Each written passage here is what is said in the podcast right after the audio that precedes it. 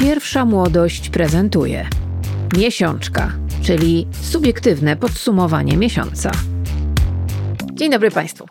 Przed mikrofonem Karolina Korwin-Piotrowska i to jest podcast Miesiączka. To jest mój drugi podcast, tym razem comiesięczny, który będzie moim e, takim bardzo subiektywnym magazynem, bowiem to było tak, że kupiłam sobie trochę, nawet bardzo dużo magazynów kobiecych, rozłożyłam je, zaczęłam czytać i zobaczyłam, że jest tam bardzo dużo reklam, bardzo dużo tekstów reklamowych, kryptoreklamowych i pomyślałam sobie, uff, no cóż, nie ma nic, co by mi się tak naprawdę w 100% podobało. No to pomyślałam sobie, Korwin, czas zakasać rękawy i zrobić sobie własny magazyn, taki jaki byś chciała. No i proszę bardzo, zaczynamy coś, co jest początkiem, myślę, mojej bardzo fajnej drogi medialnej. Cholernie się z tego cieszę, albo nawet nie będę teraz kulturalna. Bardzo się z tego cieszę, no bo to jest rzeczywiście coś zupełnie nowego. Dlaczego miesiączka? Bo miesięcznik jest zajęty, różne inne słowa z miesiącem też, a ta miesiączka, pomyślałam sobie, że to jest bardzo fajne słowo, do niedawna wzbudzające jakiś rumieniec zakłopotania albo nawet wstydu. A ja sobie pomyślałam, że druga połowa mojego życia będzie zajebista i pozbawiona wstydu, w związku z tym Witam Państwa w pierwszym odcinku programu pod tytułem Miesiączka. Miesiączka powstaje dzięki wsparciu patronów z Patronite. Jest programem niezależnym, subiektywnym i wolnym. Dzięki Wam nie sprzedaję tutaj reklam, tylko siebie. Dziękuję za Wasze wsparcie. Zapewne pamiętacie, w ostatnich y, tygodniach zwróciła Waszą uwagę pewna pani. Pani nazywa się Jolanta. Ona pracowała w obwodowej komisji wyborczej numer 280 na warszawskiej Woli. Była tam przewodniczącą. I to do niej w okolicach północy przyszła dziennikarka TVN24, żeby porozmawiać. Dziękuję wyborcom, że byli na tyle cierpliwi i czekali w tak długiej kolejce. Bardzo Wam dziękuję. Rodacy. To był ten magiczny moment wyborów, kiedy nagle się okazało, że Polacy nie gęsi potrafią być obywatelami, a szczególnie młodzież nagle czuje się obywatelami. Kobiety czują się obywatelkami. Cudownie, prawda? Cóż za zaskoczenie. Ja też to oglądałam na żywo w telewizji, w TVN24 i tam pani Jolanta powiedziała, no w ogóle to był piękny moment. Ja go potem dałam na swoim Instagramie i czytałam komentarze. I wy w tych komentarzach Pisaliście, że po pierwsze widzieliście to na żywo i płakaliście cały czas i że teraz jak oglądacie to po raz 15, 20, 30, też macie łzy w oczach, bo jest w tym, co, co mówi ta kobieta, e, ogromnie zmęczona, ale też bardzo szczęśliwa. Jest w tym coś niesłychanie pięknego. Ja pomyślałam sobie, że wiem dlaczego. Dlatego, że tam pada magiczne słowo rodacy. I pomyślałam sobie, że ponieważ w miesiączce nie będę się wymądrzała na tematy, na których się nie znam, ja wiem, że jest taka moda, że w jednym tygodniu jesteśmy ekspertami od zdrowia, w drugim od diety, w trzecim od stosunków z Rosją, w czwartym tygodniu od stosunków z Ukrainą, ostatnio Bliski Wschód jest modny, po drodze dieta wegańska, prawa kobiet, no co kto woli, co kto lubi, dla każdego coś miłego. Ja tego robić nie będę, bo się na tym nie znam. W związku z tym pomyślałam sobie, dobra, w miesiączce będą występować osoby, które są moim zdaniem ekspertami w swojej dziedzinie. I napisałam do Maćka Makelsona, Maciek Makelson. Po pierwsze, wchodzicie na Instagram i lajkujecie jego profil, ale poza tym on na swojej stronie internetowej, patroni dostaną do niej link, pisze tak. Nazywam się Maciej Makelson i pochodzę z Knurowa, miasta tak małego, że gdyby było ładne, można by je nazwać kameralnym. Nie potrafię podejmować sensownych wyborów życiowych, czego wynikiem jest polonistyczne wykształcenie. Do redakcji książek używam memów, a w ramach gry wstępnej opowiadam o wariantywnych formach ortograficznych i zastosowaniu analizy w budowaniu stosunku emocjonalnego do bohaterów. Nic nie zrozumiałam. Dalej czytam. Pracuję za dużo, ponieważ kot siedzi mi na kolanach, a dla ludzi zrzucających koty z kolan jest specjalne miejsce w piekle. To, że nie wierzę w piekło, nie ma żadnego znaczenia. Na co dzień otaczam redaktorską opieką książki w wydawnictwie WAB. Wcześniej pracowałem w wydawnictwie Znak. Prowadzę też autorskie zajęcia z pracy redaktorskiej i podstaw kreatywnego pisania na Wydziale Polonistyki Uniwersytetu Jagiellońskiego, czyli proszę Państwa, uwaga, fanfary! W programie Miesiączka, w podcaście Miesiączka, o słowie rodacy, o sile tego słowa, bo to słowo tak nas wzruszyło, Maciej Makelson. A teraz gość Miesiączki. Drodzy rodacy, a może drodzy rodacy i rodaczki, czy bardziej bezpośrednio, z pewnego rodzaju wezwaniem, rodacy i rodaczki, czy też od razu się wyprostowaliście? Bo jest w tych słowach coś, co działa jak taki pajączek na plecy, prawda? Sprawia, że przestajemy się garbić i strzyżemy uszami. Wynika to oczywiście po części z tego, że kojarzyć nam się mogą one ze wszelkiego rodzaju odezwami, zwracaniem się do narodu w sprawach ważnych, w momentach kryzysowych, w momentach, które wymagają zjednoczenia. To są zwykle podniosłe chwile, prawda? I to skojarzenie sprawia, że prostujemy się, że słuchamy uważnie. Ale jest coś jeszcze. I nie chodzi mi nawet o to twarde i dźwięczne R na początku. W samym sercu tego rodzimego, bo wyrastającego z języka prasłowiańskiego słowa kryje się jedność, wspólnota. Rodak to przecież po prostu osoba z tego samego rodu. To jest coś, co nas spaja, jednoczy, pokazuje, że jesteśmy częścią większej całości. I tak jak teraz ta całość liczy na nas, i my na tę całość możemy liczyć. To coś, co nas włącza. Dlatego też tak emocjonalnie wybrzmiała i taką wagę miała wypowiedź pani z komisji wyborczej, która łamiącym się ze wzruszenia głosem dziękowała za to, że tak tłumnie poszliśmy i poszłyśmy na wybory. Podziękowała wyborcom, a potem spojrzała w oko kamery, by z namaszczeniem zwrócić się do rodaków właśnie, by nadać temu wymiar uroczysty. I może nadinterpretuje, ale dla mnie ma to również wymiar symboliczny. Rolą tego zwrotu, jak już mówiłem, jest bowiem łączenie, jest wskazywanie na jedność. I w tym konkretnym momencie historycznym może właśnie to miało wybrzmieć najmocniej, że skończył się czas podziałów, czas, w którym z mediów publicznych ciągle mogliśmy słyszeć retorykę opierającą się na podziałach i dzieleniu sprzyjającą. Kto nie jest z nami, jest przeciwko nam. Kto nie jest po naszej stronie, jest elementem obcym. Działa z pewnością na korzyść obcych państw. Że jedynym słusznym plemieniem, że posłużę się takim słowem, jesteśmy my, którzy rządzimy i ci, którzy nas popierają. Reszta, nawet jeżeli porozumiewa się tym samym językiem, czerpie z tej samej kultury i w sercu ma ten sam kraj, to są wrogowie, którzy działają na rzecz plemion obcych. A teraz wszystko się zmieniło. Teraz jest czas na znalezienie porozumienia, skupieniu się na tym, że jesteśmy wspólnotą. My, rodacy i rodaczki.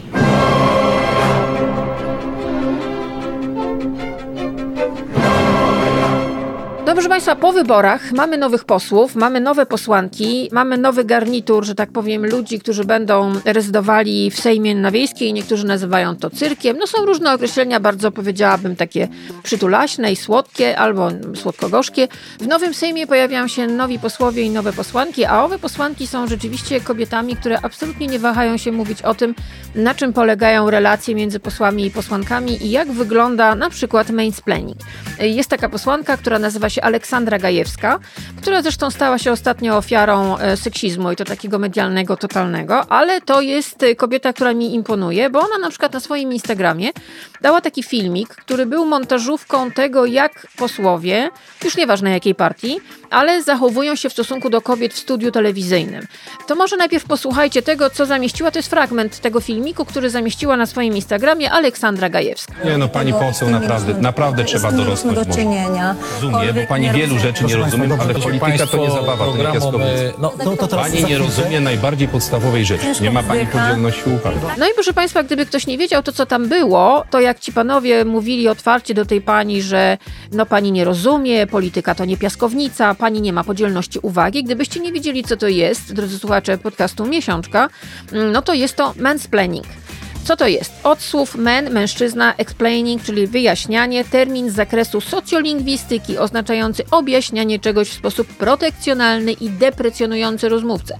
Z reguły odnosi się do tłumaczenia czegoś kobiecie przez mężczyznę. To jest taki bardzo często spotykany zabieg, kiedy mężczyzna mówi, no kochana, nie denerwuj cię, ja ci to wytłumaczę, no ty tego nie rozumiesz, ty tutaj w emocjach, ja ci tutaj, ja, racjonalista, mężczyzna, wszystko ci wytłumaczę.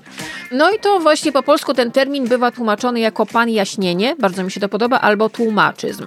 To zjawisko po raz pierwszy pojawiło się w 2008 roku. Jeżeli chcecie więcej wiedzieć na temat tego, czym jest mansplaining, zapraszam Was na profil Dominiki Lasoty na Instagramie, która zasłynęła w zeszłym roku z tego, że Dominika Lasota jest z grupy Wschód, no i ona spotkała się z naszym prezydentem Andrzejem Dudą. Ja Wam nie puszczę tego, bo naprawdę musicie wejść na jej Instagram i to, co robi pan prezydent Andrzej Duda wobec młodej dziewczyny, zdecydowanie młodej, co nie zmienia faktu, że nie jest głupia, że wie, co mówi, może nawet lepiej niż nie jeden polski polityk, ale to warto zobaczyć. To jest mansplaining. Takie rzeczy będą się pojawiały w miesiączce, bowiem, proszę Państwa, świat się zmienia i to, że nagle poczuliśmy się rodakami i to, że nagle kobiety podnoszą głowy, to jest coś, co mnie bardzo, bardzo cieszy. Miesięczne newsy i newsiki, czyli czym żyłam. Przed rokiem do kin trafił film dokumentalny Natalii Korynckiej-Gruz pod tytułem Simona, który opowiadał historię Simony Kossak. Mówiłam o tym filmie dokumentalnym w 18 odcinku podcastu Pierwsza Młodość. Zapraszam do słuchania. Film niezwykły, niesamowity, który pokazuje fenomenalną kobietę. Była to kwestia czasu, żeby historia Simony Kossak stała się podstawą do nakręcenia filmu fabularnego. No i proszę Państwa, okazuje się, że powstał taki film. Jego reżyserem jest bardzo dobry polski reżyser Adrian Panek. Mm, w rolach głównych występuje Sandra Drzymalska, w, jej, w roli jej e, partnera życiowego wcielił się Jakub Gierszał. No to jest taki dream team. Sandra kocha zwierzęta, jest wegetarianką, jest bardzo zaangażowana w sprawy ekologii, tak jak zresztą Simona Kossak, która na długo, zanim to się stało modne, mówiłam o tym zresztą w moim podcaście, przypominam, odcinek 18, mówiła o tym, że trzeba szanować zwierzęta i że trzeba uznać, że ludzie niepotrzebnie izolują się od zwierząt, niszczą zwierzęta, ograniczają przyrodę. No, sama zresztą mieszkała w Puszczy Białowieskiej, miała tam różne zwierzęta u siebie w domu. Najsłynniejszym zwierzakiem z tego zwierzyńca Simony Kostek był kruk korasek, i była też locha dzika, która nazywała się żabka.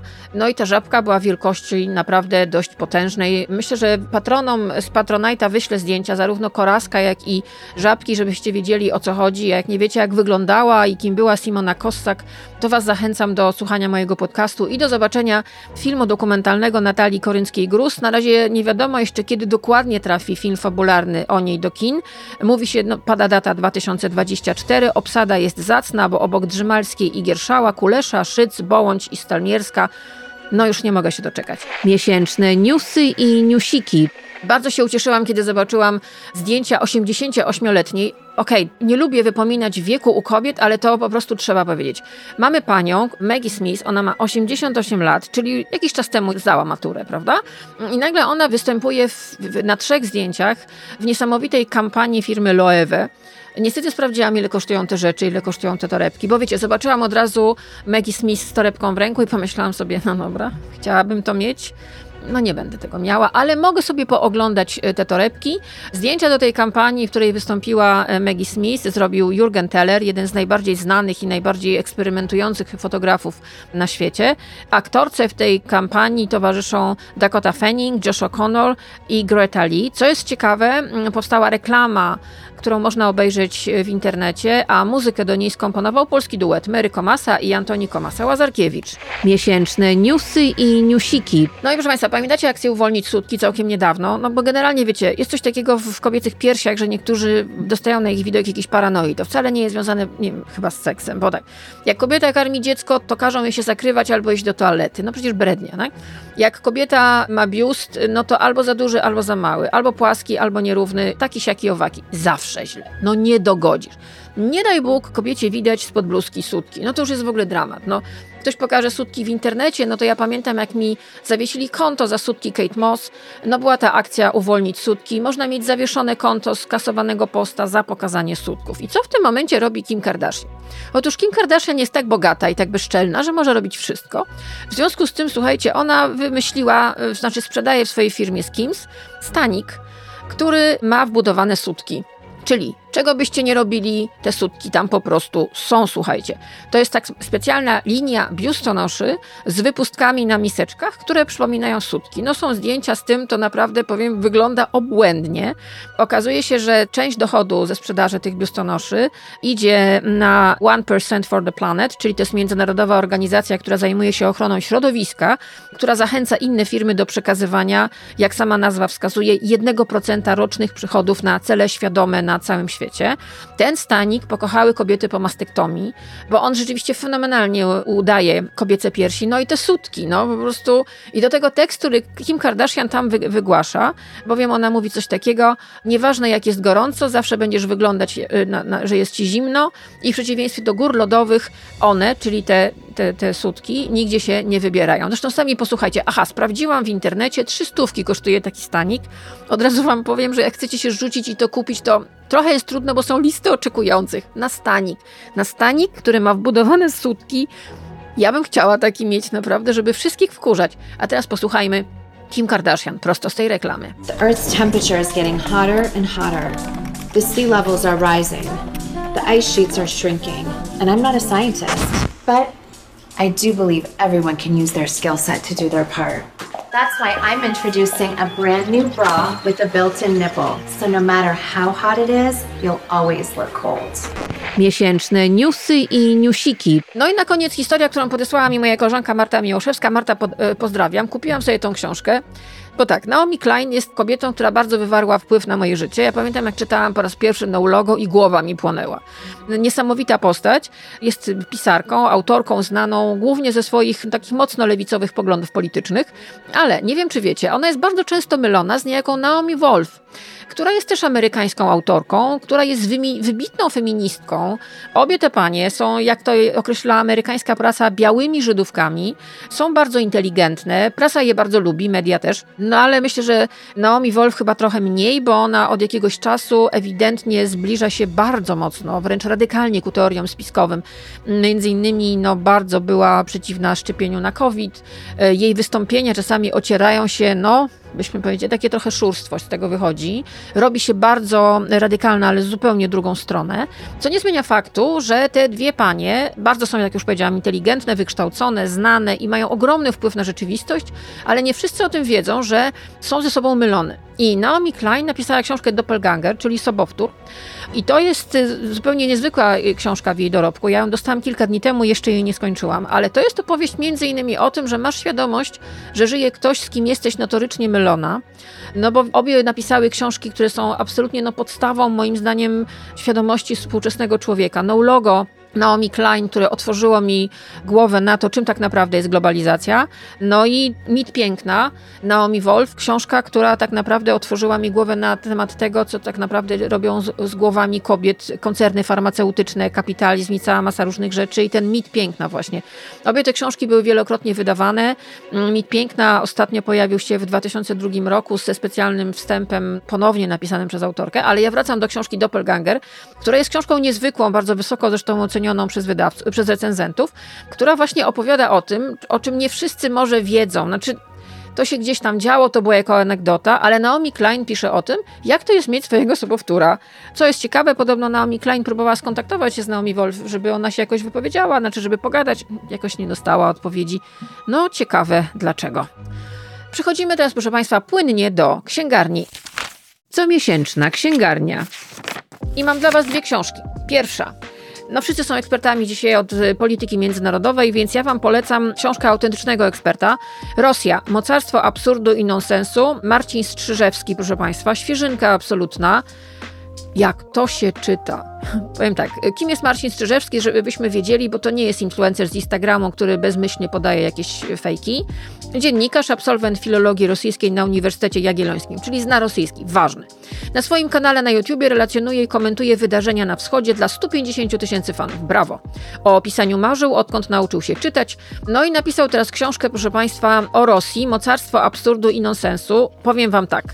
Mogłabym Wam o tej książce opowiadać bardzo długo, przeczytam Wam tytuły rozdziałów. Uwaga. Dlaczego Rosjanin marzy o wysokim płocie? Następny rozdział. Po co Rosjaninowi dacza? Następny rozdział. Dlaczego Rosjanie giną we własnych domach? I na koniec 8 godzin dziennie pracują bogaci. Bardzo Wam polecam tę książkę. Link oczywiście dostaną patroni. Marcin Strzyżewski, Rosja, mocarstwo absurdu i nonsensu. No i płynnie od Rosji przechodzimy do mózgu. Tak mi się poskładało.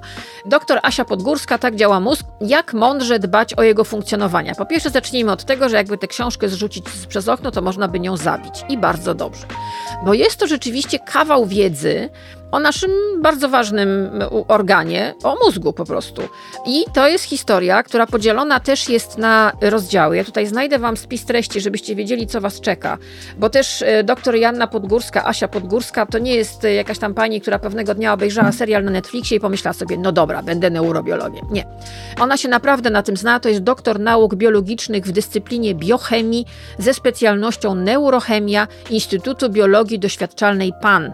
Czyli, proszę Państwa, naprawdę warto wierzyć takim ludziom. No i proszę Państwa, ta książka, książka pod tytułem Tak działa mózg, jak mądrze dbać o jego funkcjonowanie, jest po pierwsze bardzo fajnie w ogóle wydana i bardzo czytelnie. No i zaczyna się od, od rozdziału neurobiologia, co to jest, potem neuroprzekaźniki, tam między innymi jest o serotoninie. No, przeczytałam sobie spokojnie ten rozdział. Potem jest neurogeneza i neuroplastyczność, czyli że wszystko musi mieć swoje miejsce. Potem jest rozdział czwarty, ostatnio bardzo popularny w mediach społecznościowych, że mózg można odżywić, że dieta ma duży wpływ na Twój mózg. No i ten rozdział brzmi dieta i odżywianie. Między innymi jest o tym, że cukier uszkadza mózg. No i jest o, kolejny rozdział, ileż mamy ekspertek w mediach społecznościowych od tego, jak jelita działają na nasz mózg, więc tutaj ekspert o tym mówi. Dobrostan jelit, a mózg jest o brzuchu, jest o mikrobiocie. Co to jest mikrobiota? No właśnie wiecie, bo ja nie wiedziałam. Jest rozdział o śnie, rozdział szósty. Jest rozdział siódmy, dlaczego mózg nie lubi papierosów i alkoholu między innymi o tym, co tak naprawdę robi etanol z mózgiem i na koniec mózg kocha ruch, czyli trochę odpowiedź na takie zdanie, które często się słyszy, jak ktoś mówi, że źle się czuje, że ma doła albo że ma problemy, to słyszy pobiegaj. No i właśnie doktor Janna Podgórska z tym się trochę rozprawia, ale no jest to bardzo fajna sprawa, bardzo Wam polecam. Ja przeczytałam praktycznie jednym tchem. Czy jestem po tym mądrzejsza? Zdecydowanie na pewno będę się częściej wysypiała. Czas na gościa. No było o mózgu, teraz czas na psychę, proszę Państwa. Ja nie będę Wam mówiła o terapiach, o psychologii, bo się na tym nie znam. To, że chodzę na terapię od paru lat, nie czyni mnie ekspertką od ludzkiego mózgu i nie będę Wam grzebała w emocjach, bo mi się nie chce. Poza tym naprawdę się nie znam, no. A nawet jak mi się chciało, jestem leniwa. Dobra, pomyślałam sobie, że w tym takim zalewie różnych patokołczów z Instagrama ja Wam pokażę osobę, która jest naprawdę fachowcem. To jest Anna Mochnaczewska, która pracuje z dorosłymi, młodzieżą, młodzieżą. Ona prowadzi terapię indywidualną, grupową, par i rodzin. Prywatnie, czytam z opisu jej e, z mediów społecznościowych.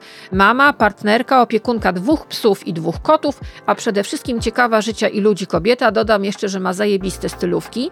No i Anna Mochnaczewska 8 listopada wydaje książkę Nawyki zamiast cudów, proste sposoby na ogarnianie życia.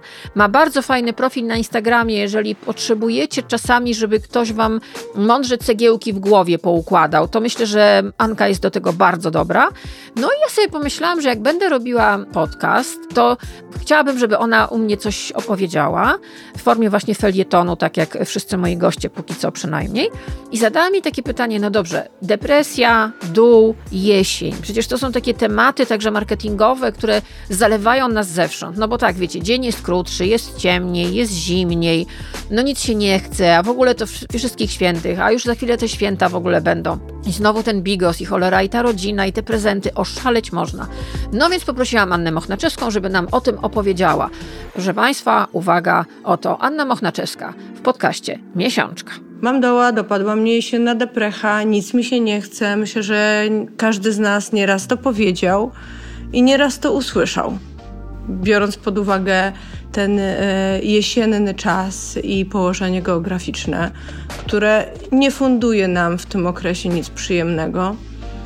I często to, co ja na przykład zauważam, to płynne przechodzenie w takie marudzenie już na temat zimy i tego, jak w ogóle w tym okresie jest strasznie. A mówię o tym nie dlatego, żeby nas tutaj zdołować, tylko po to, żeby mimo wszystko zapalić trochę światła. Już tłumaczę o co chodzi. Co robić, a czego nie, żeby nam się lepiej żyło w tym jesiennym czasie? Powiem tak. Dobrze, jak ludzie mówią o tym, jak się czują, ale niedobrze, jak mówią to w sposób, który nic nie wnosi. Podam przykład. Mogę powiedzieć: O jest, jak mi się nic nie chce. Wszystko jest takie beznadziejne ostatnio. A mogę na przykład powiedzieć to. Trochę mi smutno ostatnio, ciężej mi wychodzą różne rzeczy, ciężej mi się zebrać. Częściej chodzę przytłoczona. Widzicie różnicę? niby o tym samym, a jednak nie do końca. Ten pierwszy komunikat był takim intuicyjnym powiedzeniem o czymś, co niby się z nami dzieje, ale tak naprawdę nic nie wnosi. Ten drugi komunikat jest bardziej o tym, jak naprawdę się czujemy i dlaczego ta różnica jest ważna, gdyż z tym pierwszym to do końca nie wiadomo, co zrobić, a ten drugi trochę zmusza nas do refleksji, być może do szukania rozwiązań. Rozumiem, że nie jest łatwy, ale też może wpłynąć na to, że otoczenie nas lepiej zrozumie. To się zatem ma do tych stwierdzeń, o których mówiłam na początku? No tak, żeby po pierwsze zdać sobie sprawę z tego, że te kolokwialnie używane stwierdzenia w ogóle nam nie pomagają. Im więcej w ten sposób będziemy mówić, tym więcej możemy czuć bezradności i nie konfrontować się z tym, co naprawdę się z nami dzieje. A po drugie, wcześniej wspomniane zwroty funkcjonujące w naszym życiu codziennym tak naprawdę bagatelizują coś, co naprawdę w pewnym momencie może stać się bardzo poważne. No więc tak, jest różnica między depresją, jesienną depresją, a chwilowym stanem przygnębienia. Stan przygnębienia, stan przeżywania smutku może nam towarzyszyć w związku z różnymi sytuacjami, które dzieją się w naszym życiu. Jest czymś normalnym, jest czymś naturalnym i również naturalne jest to, że możemy go przeżywać w związku z kończącą się chociażby porą letnią. Warto jest zauważyć, że smutek, jak każda inna emocja, jest powiązany z naszą jakąś być może niezaspokojoną potrzebą emocjonalną. Więc jeżeli na przykład przeżywam smutek w związku z tym, że skończyło się lato i przychodzi jesień, to być może warto, żebym zadała sobie pytanie, czy nie potrzebuję w jakiś szczególny sposób na przykład zadbać o swoje jesienne aktywności, tak, żeby, nie wiem, w tym trudniejszym dla mnie czasie poczuć więcej energii czy poczuć więcej sensu. Problem tak naprawdę pojawia się w momencie, kiedy ten smutek, stan przygnębienia zaczyna przybierać taki niekończący się wymiar, kiedy towarzyszy nam przez cały czas i wywołuje w nas apatię, niechęć i niemoc. Jeżeli was smutek faktycznie zaczyna trwać tygodniami, wtedy warto zgłosić się po pomoc. Ponieważ istnieje coś takiego, na przykład jak SAD. SAD, inaczej w rozwinięciu tego skrótu, to Seasonal Affective Disorder, czyli w tłumaczeniu sezonowe zaburzenia afektywne. O ironio, SAD po angielsku znaczy smutny, więc można by powiedzieć, że idealnie pasuje. I symptomy SAD najczęściej pojawiają się na początku jesieni i mogą trwać aż do wiosny. To, co odróżnia SAD od obniżonego, po prostu obniżonego nastroju, to czas występowania objawów. Żebyście mogli stwierdzić, że macie SAD, potrzeba spełnić pewne kryteria diagnostyczne. Po pierwsze, objawy muszą utrzymywać się codziennie lub, prawie codziennie przez y, minimum dwa tygodnie i muszą trwać w jednym nieprzerwanym ciągu. Druga rzecz bardzo ważna, one muszą się pojawiać cyklicznie, nawracać cyklicznie. Co to znaczy? To znaczy, że przez przynajmniej dwa lata z rzędu obserwujemy u nas taki spadek nastroju. Co oczywiście nie oznacza, że macie czekać dwa lata, żeby zgłosić się po pomoc. Oprócz tych wymienionych, objawy SAD są takie same jak w klasycznej depresji, czyli obniżony nastrój, poczucie beznadziei, apatia, senność, rozdrażnienie, brak motywacji, chęci do, do działania, obniżone poczucie własnej wartości, niepewność siebie, jak i również myśli o śmierci. Zapewne jak słuchacie o tych objawach, to nie jest Wam łatwo, a co dopiero pomyślmy sobie życie z takimi objawami i próba podejmowania codziennego wysiłku, kiedy każdego dnia nasze ciało i nasz umysł odmawia nam posłuszeństwa. Mówię o tym dlatego, żeby przypomnieć, że taki stan może przytrafić się każdemu z nas i że warto jest wtedy szukać fachowej pomocy. Po drugie, mówię też o tym po to, żeby zwracać uwagę na to, co się z nami dzieje i nie bagatelizować tego, właśnie między innymi używając takich okrągłych słów, o których mówiłam na początku. Bardzo ważna rzecz. Pamiętajcie, najbardziej niebezpieczne jest y, mieć depresję i udawać, że jest się zdrowym. Dlatego zachęcam Was do tego, żebyśmy dbali o siebie właśnie w tą jesień na różne sposoby. Jakie to są sposoby? Nie tylko poprzez różnego rodzaju aktywności, które mogą nas pobudzać, bo czasem możemy nie mieć po prostu do tego siły, ale przede wszystkim prosząc o pomoc, patrząc na siebie takim troskliwym wzrokiem i też trochę powiedziałabym tak na miękko otulając się ciepłem, bo myślę sobie, że warto jest myśleć o jesieni w taki sposób, że ona tak naprawdę zachęca nas do otulenia. Przypominam, odwiedźcie Instagram Anny Mochnaczewskiej i przypominam, że 8 listopada pojawi się na rynku jej książka pod tytułem Nawyki zamiast cudów. Proste sposoby na ogarnianie życia. Czytałam, tak? I to jest bardzo fajna sprawa, bo to jest prostym językiem napisane.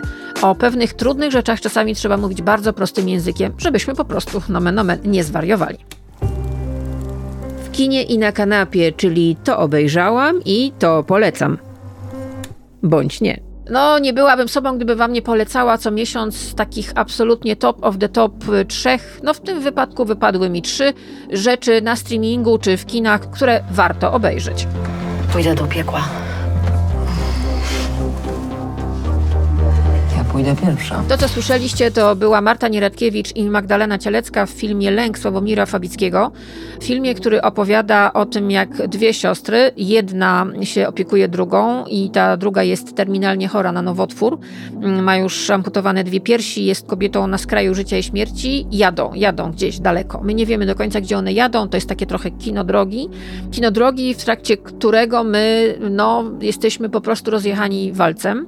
To jest film dla ludzi o mocnych nerwach, to jest film dla wszystkich tych, którzy mają już dosyć kultu bólu, umierania w, w Polsce, w polskiej kulturze, w polskiej przestrzeni. To jest film, w którym zobaczą siebie wszyscy ci, którzy opiekowali się osobami odchodzącymi mm, z bliższej bądź dalszej rodziny. I to jest też film, który ja próbowałam policzyć wszystkie tabu, które on złamie, złamał. Mm, No i trudno mi było policzyć. Na pewno mamy tabu śmierci, tabu bólu, tabu, tabu siostrzeństwa, tabu seksualności ludzi chorych, tabu bliskości. No pojawia się hasło eutanazja bo jedna z tych sióstr okazuje się jedzie do Szwajcarii po to, żeby dokonać eutanazji na własne życzenie, za własne pieniądze, dokładnie według e, takich wskazań, jakie ona sobie wymyśliła. Niesamowity, bardzo mocny film, film, na który mam nadzieję Polska jest gotowa i myślę, że to jest taki film, po którym będziemy rozmawiać na temat tego, czym tak naprawdę jest opiekowanie się osobą terminalnie chorą, czym tak naprawdę jest ból, czy my w ogóle mamy pojęcie o tym, jaki rodzaj bólu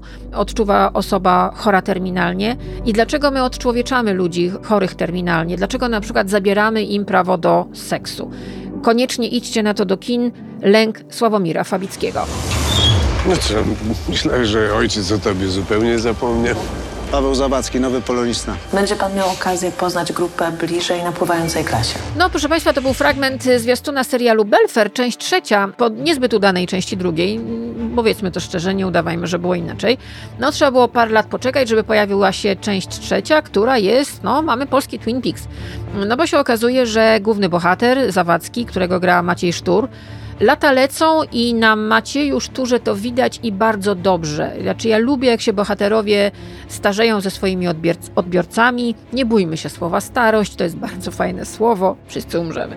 No więc Zawadzki wraca do domu z więzienia i pod więzieniem czeka na niego jego ojciec. Ojciec, z którym ma relacje, powiedziałabym, dość skomplikowane.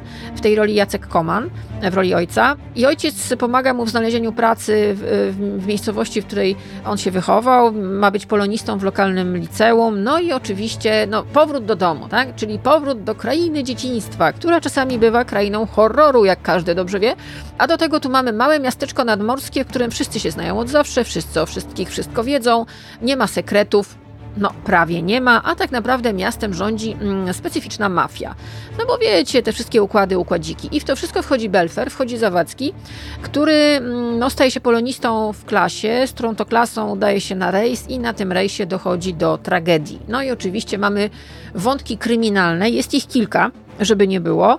Bardzo ważną postacią w tym serialu jest fenomenalna Roma Gąsiorowska w roli policjantki miejscowej. Notabene oni kiedyś, ona kiedyś z tym Zawadzkim to tam coś teges śmeges, jak to mówią. Teraz jest samotną matką wychowującą nastoletnią córkę, no, która sobie jakoś próbuje to życie y, związać koniec z końcem, nie zwariować przy okazji. No i spotyka tego Zawadzkiego po latach. No i wiadomo, że po prostu no, z tego coś musi być znowu. Tym bardziej, że ona jest taką kobietą, która jest, no to jest bardzo fajna postać nie tylko w polskich serialach. Samodzielna, energiczna, a kiedy trzeba, delikatna i krucha, chociaż e, szczególnie w dwóch ostatnich odcinkach zmienia się zdecydowanie w kobietę kina akcji. Belfer 3 na kanale Plus. Obejrzyjcie sobie longiem, to będzie dobry wieczór. Jak? Weź bardziej w lewo, musisz złapać światło. Niko? Wielkie pożegnanie kochanki dajesz. Kamera! Idzie! Akcja! To, co słyszeliście przed chwileczką, to jest fragment zwiastunu serialu, który mnie zachwycił. Ten serial to absolutni debiutanci. On jest na Netflix i to jest historia dwójki przyjaciół, przyjaciół od zawsze. Lena i Niko, oni mieszkają obok siebie, spotykają się ze sobą regularnie, mm, razem chcą zdawać do łódzkiej szkoły filmowej w Łodzi, mają absolutnie totalną pasję do kina, nagrywają sobie jakieś tam scenki, zbierają figurki. Lena e, koniecznie chce iść do tej szkoły. Lena jest specyficzna. Lena jest dziewczyną w spektrum autyzmu i to jest dziewczyna, która ma inny trochę porozumie, inaczej porozumiewa się ze światem niż reszta, ale na pierwszy rzut oka w ogóle tego nie widzimy. Jest kilka scen, które pokazują, że ona jest, nazwijmy to inna, biorę to w cudzysłów, ale to nie znaczy gorsza. No, ona widzi świat inaczej, co też ten serial pokazuje, że to jest wizja absolutnie fascynująca. No i to jest opowieść o tym, że oni są na wakacjach i kręcą film, który mają wysłać do filmówki. Przyjaźnią się. Tam między nimi jest pewna energia erotyczna, e, ale to jest ten wiek, wiecie. No, kończymy szkołę, idziemy na studia, e, wszystko jest erotyką, to po prostu hormony buzują. No i tam się pojawia trzeci chłopak, trzeci bohater, który gra w koszykówkę, ma tam obóz sportowy, no i powstaje taki niesamowity trójkąt między, między tymi bohaterami piękny serial o dojrzewaniu, o tym, że zawsze jest moment, gdzie wszystko jest pierwsze. My z perspektywy iluś już lat na karku kredytów, zobowiązań, nerwic, depresji, chorób, leków, wszystkiego, nie pamiętamy tego, że mieliśmy w życiu taki moment, gdzie coś działo się w naszym życiu naprawdę po raz pierwszy. Czyli mamy pierwszy pocałunek, pierwszy seks, pierwszy raz złamane serce i pierwszy raz emocje, które górują nad po prostu wszystkim. I mamy tą dwójkę bohaterów, bardzo dob dobrze graną, Martyna Byczkowska i Bartłomiej Deklawa, obok nich Jan Sałasiński, ale też dorośli aktorzy, jak to brzmi, dorośli aktorzy, ale naprawdę w absolutnych debiutantach jest świetny casting. Katarzyna Warnke, Anna Krotowska, Piotr Witkowski i Andrzej Konopka wyreżyserowały ten serial dwie dziewczyny, dwie młode kobiety, Kamila Tarabura i Katarzyna Warzecha, które zresztą miały swój udział w filmie Zielona Granica Agnieszki Holland. Bardzo Wam polecam ten serial, absolutnie debiutanci na Netflixie, bo to jest myślę taki serial z Polski, ale klasy zdecydowanie światowej. I to jest taki serial, który pokazuje, że młodzi w polskim serialu niekoniecznie muszą być wieszakiem kolorowym na ładne, modne ubrania, ale że to są postacie z krwi i kości. Szalenie Wam to polecam. Oto program Miesiączka. Subiektywne podsumowanie miesiąca KKP. No proszę Państwa, ostatnio y, szaleństwo było medialne. Ja pamiętam, no jestem dość aktywna na Instagramie i nagle zaczęło mi masowo wyskakiwać posty z tym, że Pamela Anderson pojawiła się na, w paryskim Fashion Weeku bez makijażu. No bo rzeczywiście, słuchajcie, skupić na sobie uwagę na Fashion Weeku to jest rzeczywiście duża zdolność i umiejętność, no ale po pierwsze mamy do czynienia z Pamelą Anderson. Kto nie zna, niech zobaczy sobie dokument o niej na Netflixie Miodzio, coś fantastycznego. No i mamy Pamelę, która wydała autobiografię, wyszedł dokument o niej, wszystko fantastycznie. Ewidentnie przeżywa kolejną młodość i bardzo dobrze, bardzo się z tego cieszę, bo to fajna babka jest. I nagle się okazuje, że przyjeżdża sobie do Paryża, do takiego, takiej jaskini lwa świata mody pojawia się tam bez makijażu. No i wszyscy nagle wariują, bo newsy, tak, jakaś tam kolekcja, nieważne, kolekcja Pamela przyszła na kolejny pokaz i okazuje się, że siedzi w pierwszym rzędzie i nie ma na sobie ton pudru, tuszu do rzęs, cieni i różnych innych rzeczy. To jest rzeczywiście bardzo ciekawa sprawa, bo od kilku lat to się dzieje. To naprawdę gdzieś wisi w powietrzu. Pamiętam w 2018 roku na okładce magazynu Paper pojawiła się Christina Aguilera i ja jej nie poznałam. Podobno nikt jej nie poznał. A ona była tam totalnie sote, bez makijażu. Okazało się, że ma piegi, że jest po prostu zwyczajną dziewczyną. Potem Alicia Keys wystąpiła na okładce Woga bez makijażu i do tej pory prawie się nie maluje. Nagle się okazuje, że gwiazdy takie jak Selena Gomez nie malują się.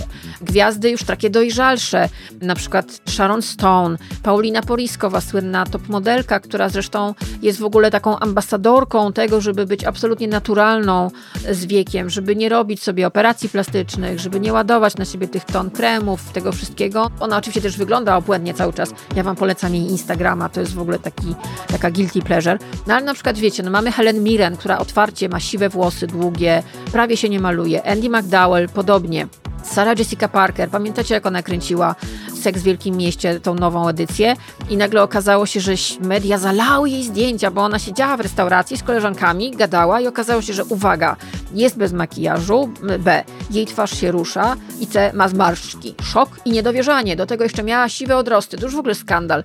Znaczy, już nie skandal, wydaje mi się. Świat się bardzo, bardzo zmienił i kiedy Frances McDormand kilka lat temu odbierała Oscara w butach na polskim obcasie, twarz nietknięta makijażem, włosy uczesane tam, jak jej się tam podobało, czyli nie stało nad nią stada fryzjerów, make-upistów i stylistów, nagle ludzie pomyśleli sobie, kurczę, czyli można. No i teraz mamy tę Pamele. No i sobie pomyślałam, że jeżeli mamy Pamelę Anderson, która zawojowała paryski Fashion Week, nie chodząc specjalnie po wybiegach, tylko pokazując się bez makijażu, zresztą zyskując aprobatę na przykład Jamie Lee Curtis, która uznała, że to jest w ogóle rewolucyjny moment, bo pamiętajmy, tu jeszcze mamy do czynienia z ikoną seksu. Tu mamy do czynienia z kobietą, którą na swojej szafce miał prawie każdy mężczyzna w latach 90. To było absolutne, totalne szaleństwo. Ten dokument o niej to opowiada. I rzeczywiście ona była totalnie uprzedmiotowiona. Jej seksualność, jej ciało, jej włosy, jej usta, jej biust, no wszystko było przedmiotem dywagacji, przedmiotem plotek. Ludzie zarabiali na niej totalne pieniądze. Ona była maksymalnie uprzedmiotowiona. I przeszła w pewnym momencie przemiany, o tym opowiada ten dokument, do którego obejrzenia bardzo Was zachęcam. Patroni dostaną oczywiście tradycyjnie link. No i teraz pojawia się znowu i ta ikona seksu, seksualności nagle pokazuje, że ma 50 parę lat i że wygląda fantastycznie, ale przede wszystkim czuje się genialnie sama ze sobą. No i sobie pomyślałam, że w takim razie trzeba będzie pogadać z kimś, kto się zna na tym. Czy ona rzeczywiście jest no make-up? Jaki to ma w ogóle wpływ na świat? Który z, z, drugiej strony, no te same magazyny, które zachwycają się Pamelą Anderson bez makijażu, stronę dalej dają ci reklamy kremu na zmarszczki, to na worki, to na tamto, tu sobie podciągnij, tu sobie pomaluj, tu sobie wytnij, tu sobie spłaszcz, tu sobie wyprostuj. Matko jedyna, jak w tym żyć. Ponieważ ja śledzę Agatę Herwood na Instagramie, wpiszcie sobie na Instagramie bardzo fajne konto urodowe, mądrej, świadomej, bardzo fajnej kobiety, Agata Herbut, która pisze o sobie tak. Jestem mamą dwóch fantastycznych dziewczyn, a oprócz tego jestem uzależniona od dobrej kuchni, lodów, słońca i swoich bliskich. Kocham kosmetyki, makijaż, zapachy i brokat. Od lat bliskie są mi idee feminizmu i równości płciowej. Przez lata walczyłam najpierw sama ze sobą o akceptację siebie i swojego ciała, a teraz chcę przekazać te wartości moim czytelniczkom. No i to jest właśnie osoba, która mnie interesuje i ja bardzo śledzę Agatę Herbut na Instagramie i on po prostu jest blogerką, ma świetny profil, jest też makijażystką. Kiedyś w ogóle była pedagogzką, nie wiem czy tego, nie wiem czy o tym wiecie. Od 10 lat prowadzi bloga, a teraz dla miesiączki specjalnie opowie nam o tym, o co chodzi z tą Pamelą? O co chodzi z tym, że świat nagle zwariował na punkcie tego, że ikona seksu lat 90., kobieta, którą każdy mężczyzna wieszał sobie na swojej szafce na siłowni, mężczyźni masturbowali się do jej zdjęć, kobiety chciały wyglądać tak jak ona, albo jej nienawidziły i mówiły o niej dziwka. Kobieta, która była absolutnie uprzedmiotowiona, nagle zdobywa paryski Fashion Week tym, że jest bez makijażu. A teraz gość miesiączki. Myślę, że przede wszystkim dość absurdalne może się wydawać, że e, w czasach, w których aktualnie żyjemy, kobieta bez makijażu nadal wzbudza tak wielkie poruszenie.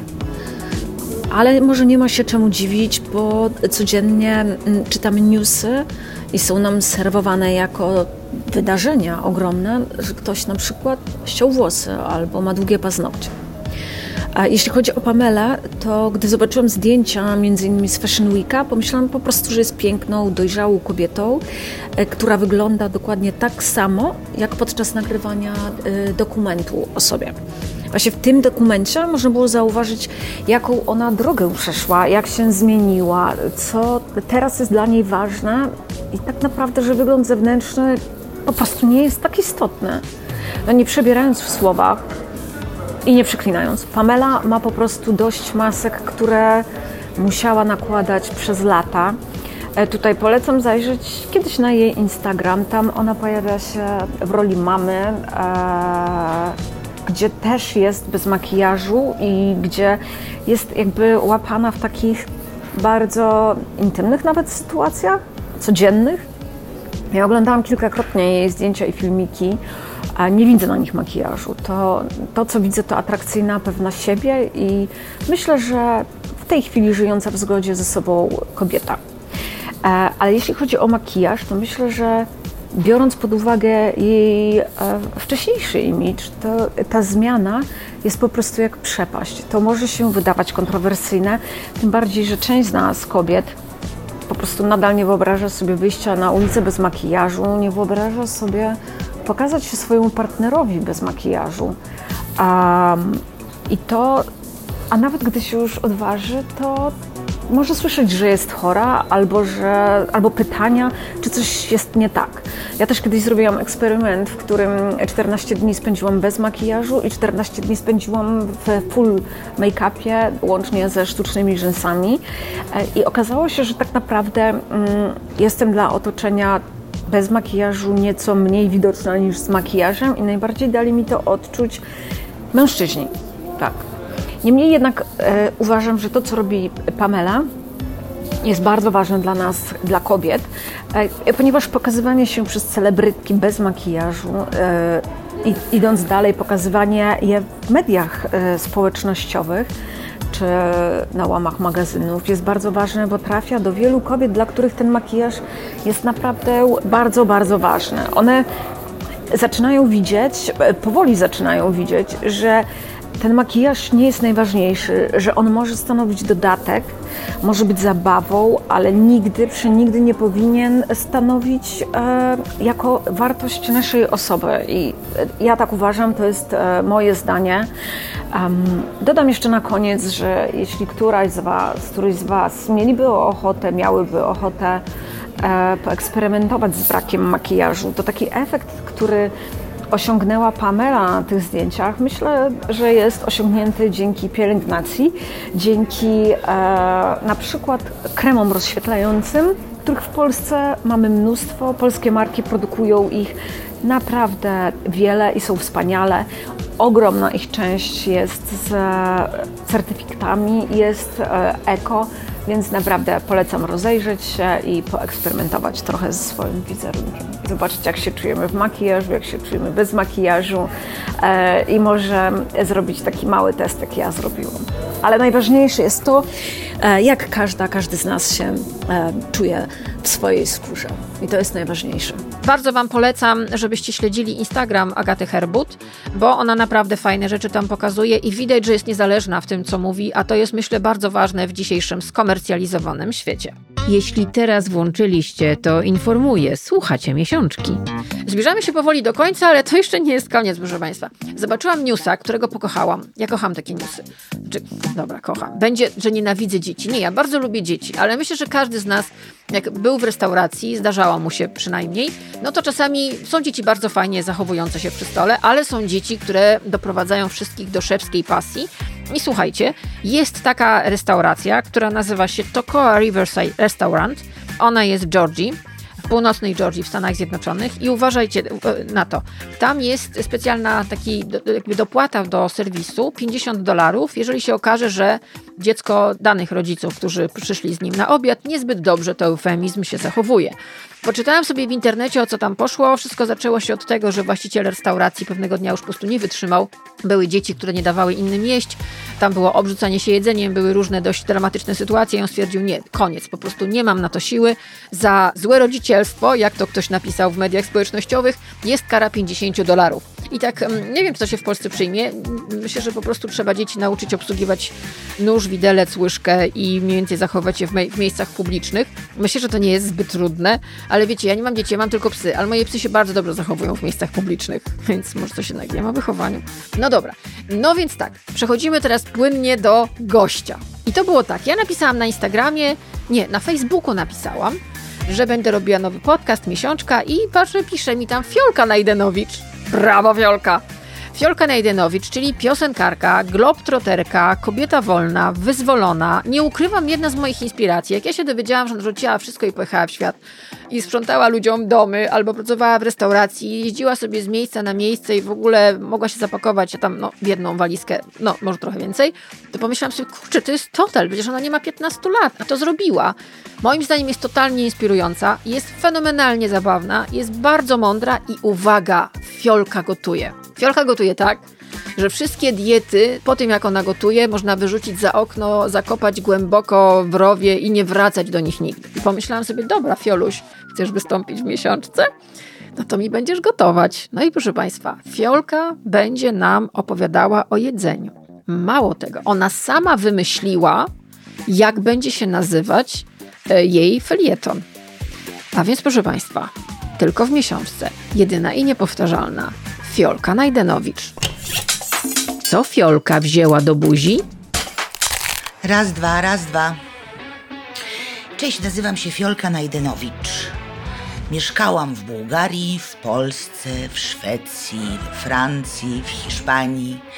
Teraz mieszkam w Londynie. Pracuję w restauracji na London Bridge. Tam jest bardzo fajnie. Szefem kuchni jest Kyle Bray, który jest z RPA. Strasznie go lubię, bo ja w ogóle czczę ludzi, którzy się znają na jedzeniu. Kyle jest ryży, zna się na wszystkim.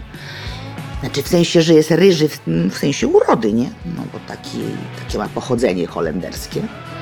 Zna się tak totalnie na jedzeniu, że po prostu opada mi szczęka. Nawet wiedział, co to jest bułgarskie sireny. Kilka dni temu opadła mu szczęka, bo klientka oddała do kuchni sałatkę z pieczonych warzyw, przepyszną, bo mówi, że jej sos nie smakuje. No to Kyle mi ten sos podaje przez wydawkę, a ja patrzę, proszę Państwa. Ocet z Modeny 25-letni marki Belazu, która jest po prostu coś wspaniałego. No i w ogóle tak zauważyłam, że niektórzy ludzie to nawet jak jadą do Tajlandii czy, czy gdzieś, to chcą schabowego jeść. To jest straszne. Są tak zamknięci na smaki, że uff, szkoda, szkoda w ogóle, że mają kubki smakowe czasami.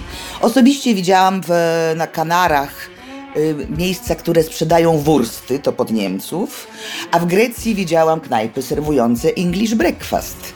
No więc z moją matką oczywiście musiałyśmy znaleźć e, coś, gdzie można zjeść coś lokalnego, bo to po to się jeździ między innymi do różnych krajów, żeby czegoś spróbować.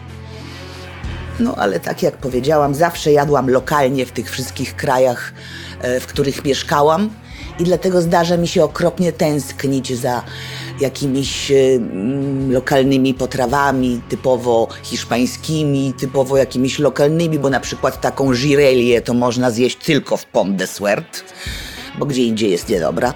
Y, to jest taka mm, na zasadzie hagisa, taka e, mieszanina mięsa jagnięcego z ryżem, z ziołami, kroi się to w plasterki i się smaży i to jest po prostu boskie. No ale Karolina poprosiła, żebym wam zapodała jakiś przepis no to jedziemy, to będzie naprawdę bardzo łatwe. Jesień jest, dzisiaj jest 4 stopnie u nas, masakra. Powiem wam, co zrobiłam wczoraj. To się nazywa mm, zapiekanka covidowa albo zapiekanka lockdownowa. Sama to wymyśliłam, to danie. Na pewno, na pewno tego nie wymyśliłam zresztą, bo to jest bardzo łatwe i na pewno wszyscy to robią w jakimś swoim wariancie.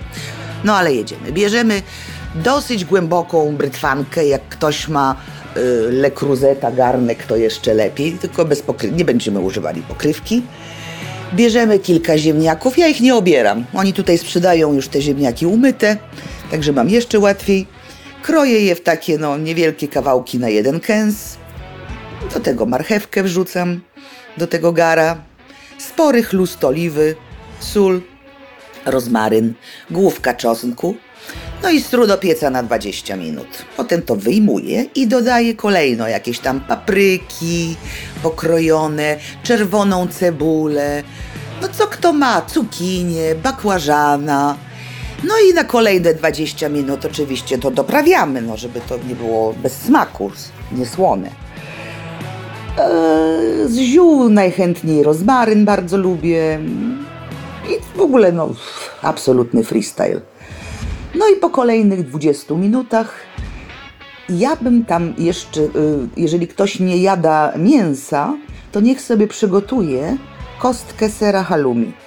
Ale ja, ja dałam y, od rzeźnika takie trzy bardzo fajne kebaby y, z jagnięciny, to surowe mięso, ale już doprawione mięto, no coś wspaniałego. Kupiłam takie trzy kebaby na szpikulcu, wyjęłam szpikulca, ulepiłam z tego takie kulki na te ziemniaki, i dodałam do tego sos pomidorowy. Oczywiście nie pierdoliłam się z robieniem sosu pomidorowego, tylko wzięłam gotowy w słoiku z Max Spencer za dwa funty.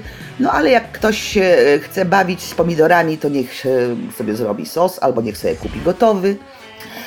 I wtedy razem z tym mięsem na kolejne 20 minut. I na koniec to jeszcze trzeba posypać serem halubi, który trzeba zapiec i to jest po prostu boskie. Robiłam też to w wariancie z sosem gotowym zresztą, który się nazywa Balti i jest to marki Patak. To jest hinduski sos. Z tego co wiem, przyjaciele mówili, że ta marka jest dostępna w Polsce. W ogóle nie mam oporu przed używaniem czegoś, co jest gotowy, jakiś gotowy sos. Sam Jamie Oliver e, gotuje z, z sosami tej marki i jakoś wyżył chłopina. I właśnie taką zapiekankę z tym sosem. Tylko, że pamiętajcie, pomidorów nie dajemy dopóki, dopóki się tam jeszcze wszystko piecze, bo nam się nie upieczy. Nie wiem, co robią te pomidory, ale wychodzi surowe. Także ten sos dodajemy dopiero pod sam koniec pieczenia. No to ja Wam smacznego życzę. E, mam nadzieję, że jeżeli Karolina mnie jeszcze raz zaprosi, to Wam wtedy opowiem, czego nie robić w restauracji, żeby nie wkurwić kelnera i kucharzy. Było smacznie, nie? Fiolka jest niezastąpiona. Zbliżamy się powoli do końca. No i tak, pomyślałam sobie, że przydałoby nam się wszystkim, i ja też bardzo lubię. Sama nie jestem filozofką, ok? Ja skończyłam tylko albo aż historię sztuki. Dawno temu. Ale znam mądre osoby i bardzo się z tego cieszę, że je znam. I tak sobie pomyślałam, że moim w ogóle marzeniem byłoby, żeby posłuchać czasami, co mówi Katarzyna Kasia i nikt jej nie przerywa. A że jest to moja koleżanka serdeczna, no to zaproponowałam jej, żeby Katarzyna Kasia co miesiąc w podcaście Miesiączka mówiła nam, jak żyć. Katarzyna Kasia, przypomnę, dziennikarka, filozofka, pani doktor mówię do niej, doktorka czasami. Kobieta wielu talentów. Słuchajcie, ona się niedawno dorobiła nawet sesji w magazynie Viva. Ja chyba pierwszy raz, chyba pięciu lat kupię ten magazyn, po prostu jestem sama w szoku. Przypomnę też, że kandyduje w plebiscycie Warszawianka Roku. Ja na nią zagłosowałam. Dla mnie się inne nie liczą z całym szacunkiem, ale liczy się tylko Kaśka. Do tego ma mojego psa Zośkę, która była u mnie w domu tymczasowym. Zośka jest z Ukrainy i fantastycznie sobie żyje u Katarzyny Kasi. Niedawno wydała książkę napisaną do spółki z Grzegorzem Markowskim pod tytułem Siedem życzeń, gdzie Agnieszka Holland mówi o odwadze, Szymon Malinowski o przyszłości, Jarosław Kujsz o niepodległości, Dorota Masłowska o śmiechu, Andrzej Leder o spokoju, Joanna Tyrowicz o bogactwie i Jurek Owsiak o szacunku. E, oglądamy ją w szkle kontaktowym, pisze mądre książki, jest wszędzie, jest doktorem filozofii i u mnie będzie filozofia. I poprosiłam ją tak, mówię, Kaśka, jedna sprawa. Ja ci zadam pytanie, jak żyć, a ty na nie będziesz co miesiąc odpowiadać. Voilà. Jak żyć? Odpowiada. Dzień dobry, tu doktor Katarzyna Kasia. Pani redaktor zwróciła się do mnie z bardzo poważnym pytaniem. To pytanie brzmi: Pani doktor, jak żyć? To jest trudne pytanie i co więcej, ono jest podchwytliwe, bo Pewnie Państwo pamiętają, że kilka lat temu zadał je premierowi Donaldowi Tuskowi pewien pan hodujący paprykę. Zapytał, jak żyć, panie premierze, i pomachał do niego papryką. I zaraz potem świat się zmienił. Proszę Państwa, Donald Tusk przestał pełnić funkcję premiera, zaś ten pan, który hodował paprykę, zapisał się do PiSu, a my wszyscy wylądowaliśmy w mrokach średniowiecza na długich 8 lat. Powoli teraz się z tego stanu wybudzamy, ale to było trudne, bo podróż w czasie była oszałamiająca i sytuacja do dzisiaj wymaga rzeczywiście takiego dużego namysłu, powiedziałabym, a teraz znowu wymaga od nas ciężkiej, ciężkiej, wytężonej pracy na rzecz naszej ojczyzny. Mm, no ale jak żyć? Jak żyć? Ja nie podejrzewam pani redaktor o złe intencje, o to, że chce mnie pozbawić stanowiska, więc jednak mimo wszystko spróbuję odpowiedzieć na to pytanie, jak żyć. Dla życia, z tego co wiem, bardzo ważne jest oddychanie. Oddychanie to takie zajęcie, które można na przykład przez nos y, robić albo przez usta. Generalnie chodzi o taki mechanizm wydech, wydech. Proszę powtórzyć. Wdech, wydech. Przy wdechu wypełniamy się powietrzem, a przy wydechu wypuszczamy em, powietrze, prawda? Zostaje w nas tlen, pozbywamy się dwutlenku węgla. Wymiana gazowa, na pewno się Państwo o tym uczyli na biologii, jak nie, to proszę sobie poszukać w internecie. Wszystko przecież jest w internecie. Oddychanie jest ważne. Trzeba o tym pamiętać, bo jak się zapomni, proszę Państwa, to się to się po prostu nie żyje.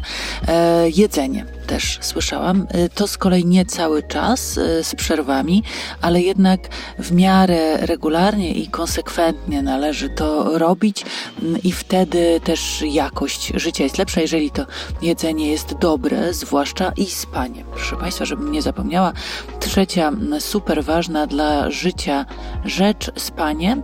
E, śpi się na leżąco przeważnie w naszej kulturze. Można na boku, na plecach, można na prawym boku albo na lewym, można na brzuchu. Niektórzy śpią na brzuchu. Mm, tylko bardzo ważne jest to, żeby przez sen również pamiętać o oddychaniu, bo jeżeli oddychanie w ogóle wejdzie nam w nawyk, to będzie nam się żyło dużo lepiej. Najlepiej takie oddychanie, proszę Państwa, swobodne, pełną piersią albo pełną przeponą. I ja mam wrażenie, że teraz, po tych ośmiu latach średniowiecza, kiedy właśnie się z niego wybudzamy, to, to jakoś trochę lepiej. Lepiej mi to idzie i mam nadzieję, że Państwu również. Dziękuję bardzo. Słuchajcie, czytajcie, oglądajcie Katarzynę Kasię, bo warto, nie tylko dlatego, że jest moją koleżanką, ale po prostu jest bardzo super mądrą kobietą, a ja bym chciała w miesiączce pokazywać Wam super mądre kobiety, bo kobiety są mądre i wspaniałe i dlatego ten program nazywa się Miesiączka, po to, żeby nigdy nie musiały się wstydzić tego, że mają takie inne, a nie inne ciała, taką, a nie inną fizjologię. Przypomnę, Kaśka kandyduje w plebiscycie Warszawianka Roku. Głosujcie. P.S. Follow your dreams, not your boyfriends. To była Gillian Anderson, która jako dobra ciocia, dobra rada mówiła nam o tym, że należy iść za swoimi marzeniami. I to, co słuchaliście, to, czego słuchaliście przez ostatnie kilkadziesiąt minut, to był efekt mojego podążania za swoimi marzeniami. Marzeniami, żeby mieć własne media, własne podcasty, własne programy, żeby nikt nade mną nie stał i nie mówił mi, co mam robić. Mam ogromną potrzebę mojej wolności i tą wolnością będę się chciała z Wami dzielić co miesiąc. Przypomnę, że patroni od progu 25 będą mieli specjalny newsletter, także miesiączkowy, bo w ogóle ten podcast powstaje, jingle był, ale powtórzę, dzięki Patronite'owi i dzięki temu to nie jest słup reklamowy i nie będzie, myślę, bo chciałabym, żeby to było wolne od wszechobecnych reklam, bowiem tak jak powiedziałam na początku tego podcastu, kiedy kupiłam tą całą masę magazynów kobiecych, położyłam je na podłodze, zaczęłam je jedno po drugim czytać, przeglądać, to zobaczyłam przede wszystkim całą masę reklam. I pomyślałam sobie, że ja bym chciała, ja sama pożądam, sama pragnę mieć takie miejsce, w którym tych reklam nie będzie. A jeżeli będzie się ktoś wymądrzał, to sensem i na temat, i o czymś, na czym się zna, a nie tylko dlatego, że wydaje mu się, że zna, bo coś akurat na przykład modnie jest teraz znać w mediach społecznościowych. Żyjemy w zwariowanych czasach i ja bym chciała, żeby ta miesiączka była takim miejscem, które będzie mniej zwariowane od innych. Bardzo Wam dziękuję, że wysłuchaliście tego podcastu. Cholernie się denerwowałam, ale mam nadzieję, że jakoś to wszystko poukładaliśmy razem z moim wydawcą Mateuszem Nowosadem do kupy, że tak powiem. Oddychajmy głęboko, dokładnie tak, jak radziła nam Katarzyna Kasia. Bądźmy rodakami, bo to jest piękne słowo rodacy. Jedzmy dobre rzeczy, nie wariujmy i pamiętajmy, że czasami brokat jest fajny, i niekoniecznie musimy latać wypacykowani od rana. Mówię to jako osoba, która się praktycznie już przestała malować i zawsze mnie bawi, jak mi ktoś robi makijaż, aczkolwiek to jest bardzo miłe i nie, wiecie, ja tam czerwoną szminką nie pogardzę. Nie. To była miesiączka, mój podcast, moja przestrzeń wolności, kolejne dziecko w uniwersum podcastu Pierwsza Młodość, do słuchania w każdy pierwszy poniedziałek miesiąca o godzinie 19 na Spotify, na Apple Podcast, na Google Podcast i na YouTube. Podcast powstaje dzięki Patronite. Zresztą co ja wam będę teraz gadać, posłuchajcie jingla. Do usłyszenia. Miesiączka powstaje dzięki wsparciu patronów z Patronite. Jest programem niezależnym, subiektywnym i wolnym. Dzięki Wam nie sprzedaję tutaj reklam, tylko siebie. Dziękuję za Wasze wsparcie.